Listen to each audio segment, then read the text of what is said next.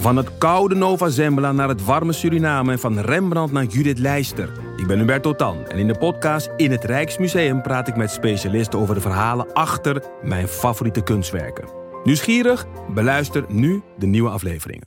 Je hoort mensen willen zeggen dat het boek beter was dan de film, maar wij van Boeken FM streven naar om de podcast beter te laten zijn dan het boek.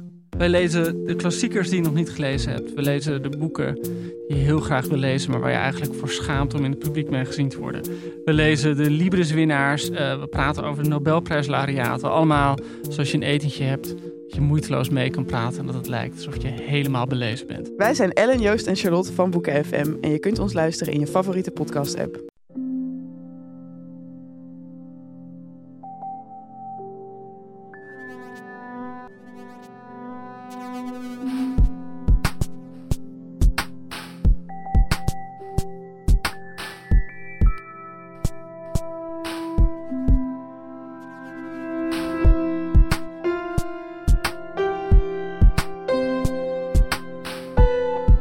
Welkom bij aflevering 22 van de Relaas podcast. In de Relaas vertellen mensen een waar gebeurd verhaal dat ze zelf hebben meegemaakt. Deze keer is dat het verhaal van Kevin Amse. Eigenlijk is dat een slam poet, maar speciaal voor Relaas waagde hij zich aan een echt verhaal.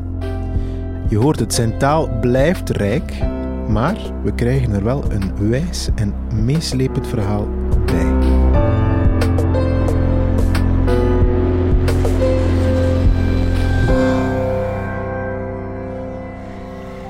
Ik uh, was 15 jaar, lichtjes aangeschoten en ik fietste met mijn vrienden doorheen de stad Ninove. Voor de mensen die de stad Ninove niet kennen, Ninove ligt onder Aalst, naast Brussel. En het is de enige stad waarbij de afgelopen verkiezingen een afgesplitste partij voor het Vlaams Belang heeft gewonnen. Het is tevens de stad waar uh, de Vlaamse slagerzangers Christophe en Lindsay vandaan komen. Waarvoor driemaal mijn excuses. Ik zelf woonde in die tijd in de deelgemeente Meerbeek, of mijn ouders beter gezegd woonden daar. Uh, voor de mensen die Meerbeek niet kennen, dat is het dorp waar heel lang de Ronde van Vlaanderen is uh, gefinished. Hè. Vlaanderens mooiste wielerklassieker. En ik weet nog dat ik heel vaak, als, uh, toen als ik nog jong was, dat ik met de fiets over die finishlijn, die dan heel lang nog bleef staan, fietste met mijn handen in de lucht en dan toch proberen om niet te vallen en te overwinnen. Dat zijn heel leuke herinneringen.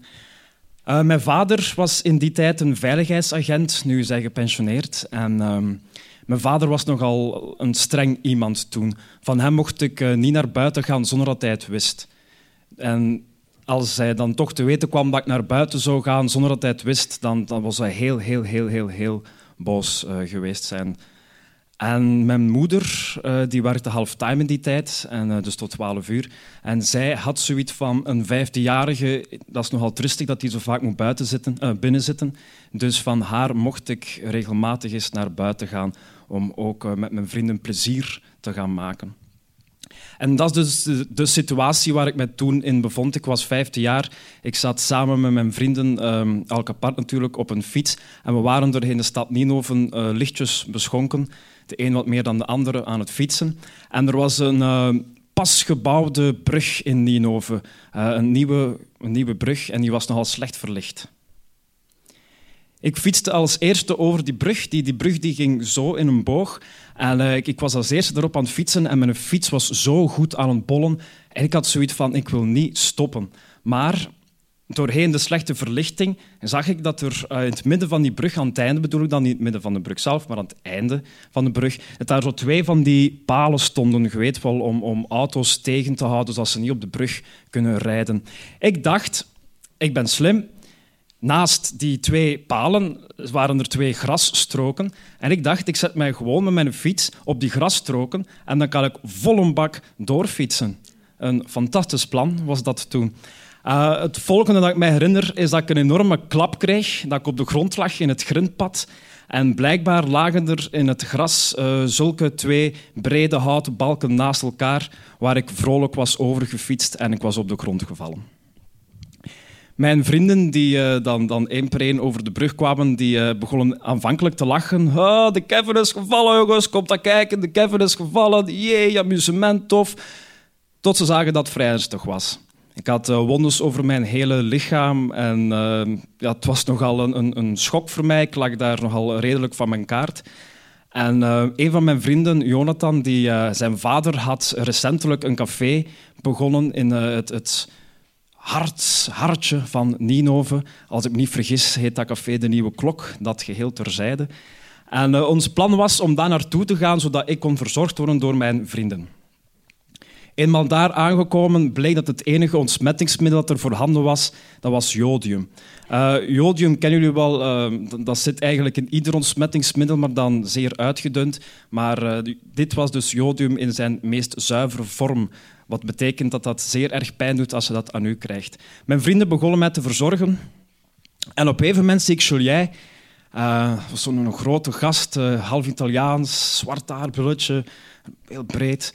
En ik, ik, herinner mij deze scène van, dat verhaal nog, nog echt leven. Ik zie het nog zo voor mij. Ik zie hem jodium op de plakker doen en ik zie hem naar mij toestappen. Ik zeg, Julien, er zit jodium op die plakker. Waarschijnlijk was het iets meer van, Julien, er zit jodium op die plakker. En Julien zegt, man, nee, dat is niet waar, Kevin, er zit geen jodium op die plakker. Ik zeg, Julien, er zit jodium op die plakker. Nee, dat is niet waar. Plakker op mij. Een paar seconden later. Julien, er zit jodium op die plakker. En dat was heel, heel erg aan het branden. En het is, het is zoiets dat ik mij heel levendig herinner. Um, toen als ik verzorgd was, gingen we met mijn vrienden buiten op het terras gaan zitten van dat café. En mijn vrienden waren de hele bezig van... Allee, blijf zitten, ga nog niet naar huis. Allee, van zo'n klein valletje, een beetje pijn, dat is toch niet zo erg. Maar na een half uurtje was voor mij niet meer draaglijk. Dus ik uh, fietste naar huis over mijn gebruikelijke fietsroute, waarbij ik ook de finishline van de Ronde van Vlaanderen passeerde. Alleen heb ik deze keer niet mijn handen uh, omhoog gestoken.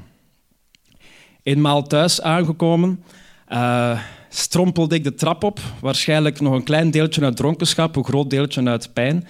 En uh, ouders hebben de vreemde eigenschap, ik denk dat veel mensen die wel herkennen als ouder of als kind, dat ouders ofwel slapen ze niet tot als hun kind thuis is, ofwel zijn ze altijd wakker precies op het moment dat jij thuis komt, waardoor ze ook altijd kunnen zeggen om hoe laat precies dat je thuis waart.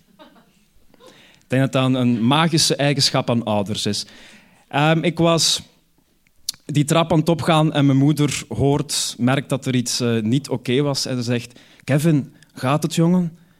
En ik zeg, nee moe. Ja, ik zeg moeder, moe. Ik zeg, nee moe, het gaat niet. Ze staat op, ik begin alles te vertellen en zij begint met te verzorgen zoals alleen moeders dat kunnen. Maar natuurlijk hadden we een probleem. Mijn vader wist niet dat ik naar buiten was geweest. En ik lag daar, plakkers, pijn, val, dus mijn moeder en ik hadden twee excuses verzonnen om te kunnen vertellen tegen mijn vader. Uh, het eerste excuus was dat ik naar Nijgenbos was gaan fietsen. Voor de mensen die Nijgenbos niet kennen, is een stuk van het oorspronkelijke oerwoud, het Europese oerwoud. En dat vind je in Nijgen, vandaar ook Nijgenbos. En aan de parking van Nijgenbos liggen er steentjes. Dus een plausibele oplossing was, verklaring, beter gezegd, dat ik naar daar was gegaan, fietsen, op die steentjes gevallen, heel veel pijn, bla bla. Andere optie was van de trap gevallen. Zonder eigenlijk echt een um, keuze te maken voor een van de twee opties, gingen we gaan slapen. De dag daarna moest ik vroeger opstaan dan dat ik verwacht had, wat dan misschien niet zo onnormaal is na zo'n uh, nacht van lichtelijke dronkenschap. En ik weet nog dat ik uh, dus... Ja, ik, ik moet opstaan en, en ik ga naar beneden, ik ga die trap af de trap bij mijn ouders uh, komt uit in de keuken. Dan is er de deur naar de veranda, de veranda oversteken en daar is dan de badkamer. Ik ga die trap af, deur open en in de veranda staat mijn vader. Ik zeg, dag va. En zo snel als ik kon doorwandelen. Ik ga in de badkamer, ik sta daar te plassen.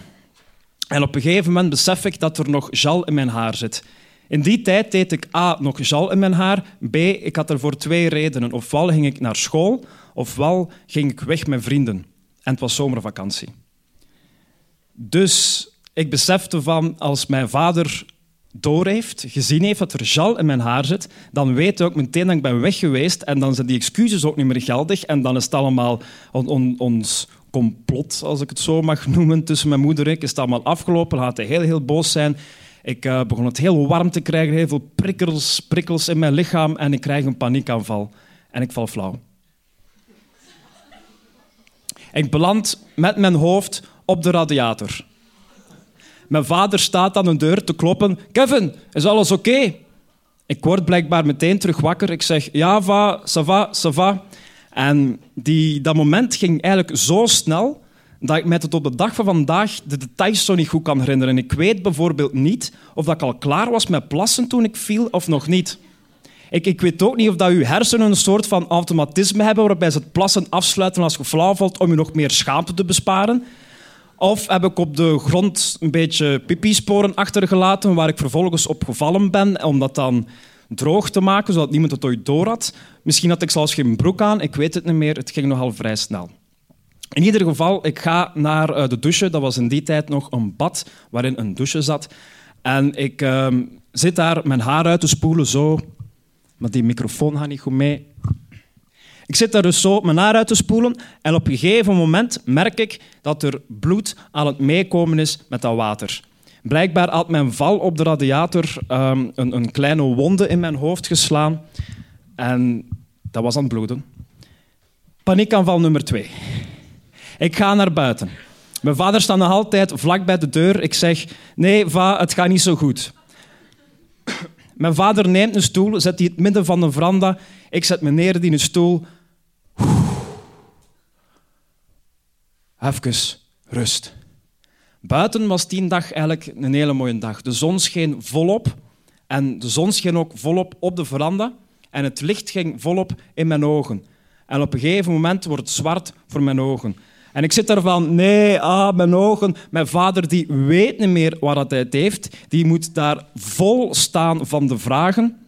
En die zegt tegen mij, Kevin, wat is er toch gebeurd? Ik zeg, Java, ik ben van een trap gevallen.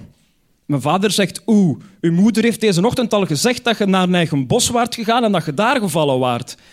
Ik zeg, uh, ja, het is alle twee gebeurd. En mijn vader staat daar gewoon. Oké. En dat was het. Hij heeft er niets meer over gezegd op die moment. Niets. Uh, een paar dagen later zei mijn broer uh, heel terecht tegen mijn moeder en ik dat we in het vervolg onze verhalen net iets beter op elkaar mochten afstemmen. Uh, gelukkig hebben we nooit meer zo'n verhaal moeten verzinnen, aangezien dat ik blijkbaar op mijn zestiende dan toch naar buiten mocht en dan toch mocht gaan plezier beleven met mijn vrienden. Um, wat dat wel leuk was. En ik, ja, ik heb dat verhaal eigenlijk altijd zo tegen mijn vrienden verteld. En de eerste reactie na dat verhaal was altijd van... En uw vader heeft dat geloofd. Alle twee, die ik, alle twee geloofd. Alle twee. Ik zeg, ja, ik weet het, zotte. Allee, jong, die moet goed gelovig zijn. Ja. En een paar jaar geleden zat ik met mijn moeder uh, in de auto en ik zeg tegen mijn moeder van... En moe, weet je nog? die keer dat ik daar gevallen was en, en vaag geloofde alle twee die excuses. En mijn moeder kijkt mij aan en ze zegt, maar jongen toch, ik heb tegen uw vader verteld dat je dat van die trap had verzonnen uit schrik. Die heeft nooit alle twee die verhalen geloofd. Ah, oké. Ik heb er in ieder geval um, nooit meer iets over gezegd. En mijn vader ook niet. En mijn moeder ook niet. En mijn broer ook niet. Nooit meer. Uh, ik denk dat allee, als je zo naar de dingen van een verhaal kijkt, dat, dat er uh, een conclusie moet zijn. En dan denk ik dat een mogelijke conclusie van dit verhaal is dat je als vijftienjarige op de fiets in dronkenschap beter niet te ver over Nieuwe Brugge rijdt. Een andere conclusie is misschien ook dat een, een stad geen brug slecht belicht moet laten. Toen ik naar huis wandelde van school vroeger, dan passeerde ik een lampenwinkel en dan heb ik vaak gedacht in mijn eigen, waarom hebben ze niet gewoon in die lampenwinkel een paar lampen gekocht om daar te zetten? Voor mij persoonlijk is de conclusie um, eerder zoiets van als ik zelf kinderen heb, dan ga ik nooit een sfeer thuis creëren waarin dat een van mijn kinderen zodanig veel schrik heeft om iets tegen mij te vertellen of de waarheid te vertellen, dat hij een, een paniekaanval krijgt en dat hij flauw valt. Ik denk dat dat geen gezonde leefsituatie is waar je op dat moment in zit. En ehm, ik denk dat ik voor mijn kinderen later dat ik gewoon een stabiele thuis wil voorzien waar ze foute dingen mogen doen en ouders zijn er ook om uw kinderen op te vangen. En tenslotte kan recht staan pas na de val.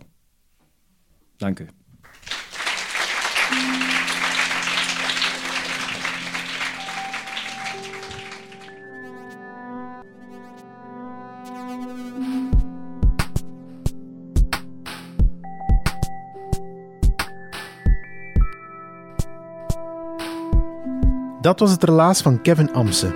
Hij vertelde het in de huiskamer van Huzet in Gent, ergens in oktober 2015. Kevin was twee uur voor zijn optreden al in de huiskamer. Ik heb het zelf gezien. Hij was daar om de sfeer te snuiven, om zijn woorden al eens te wikken en te wegen en vooral om het publiek aan te voelen. Zijn verhaal uit Ninove sprak trouwens ook een andere verteller die avond aan, Stefan de Winter. Maar dat is voor in een van de volgende podcasts. Relaas is naast een podcast ook een maandelijkse vertelavond in Gent. Heb je zelf een bijzonder verhaal? Of wil je iemand tippen die ook een goed verhaal heeft? Of wil je er graag live eens bij zijn als de verhalen verteld worden? Surf dan naar www.relaas.be en daar kom je alles te weten over wie wij zijn, wanneer we vertelavonden organiseren en uh, daar vind je ook alle podcasts terug.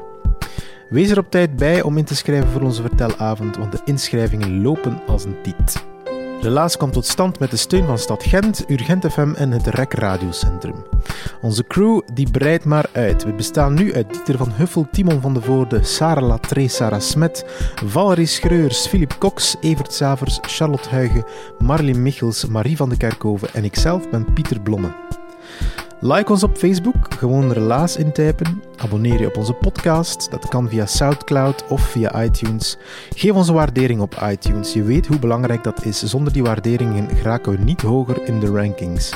En ik beloof het, als je zelf een comment achterlaat, dan vernoemen we je live in onze podcast. Dus dat is toch al een mooie incentive. Wie weet gooi ik er ook nog wel een prijsje tegenaan. Bedankt om te luisteren en vergeet niet, als je ooit nog eens een avondje uitgaat, je excuusverhaal met je broer of zus of met je ma op elkaar af te stemmen, want je weet het, al is de leugen nog zo snel, enzovoort.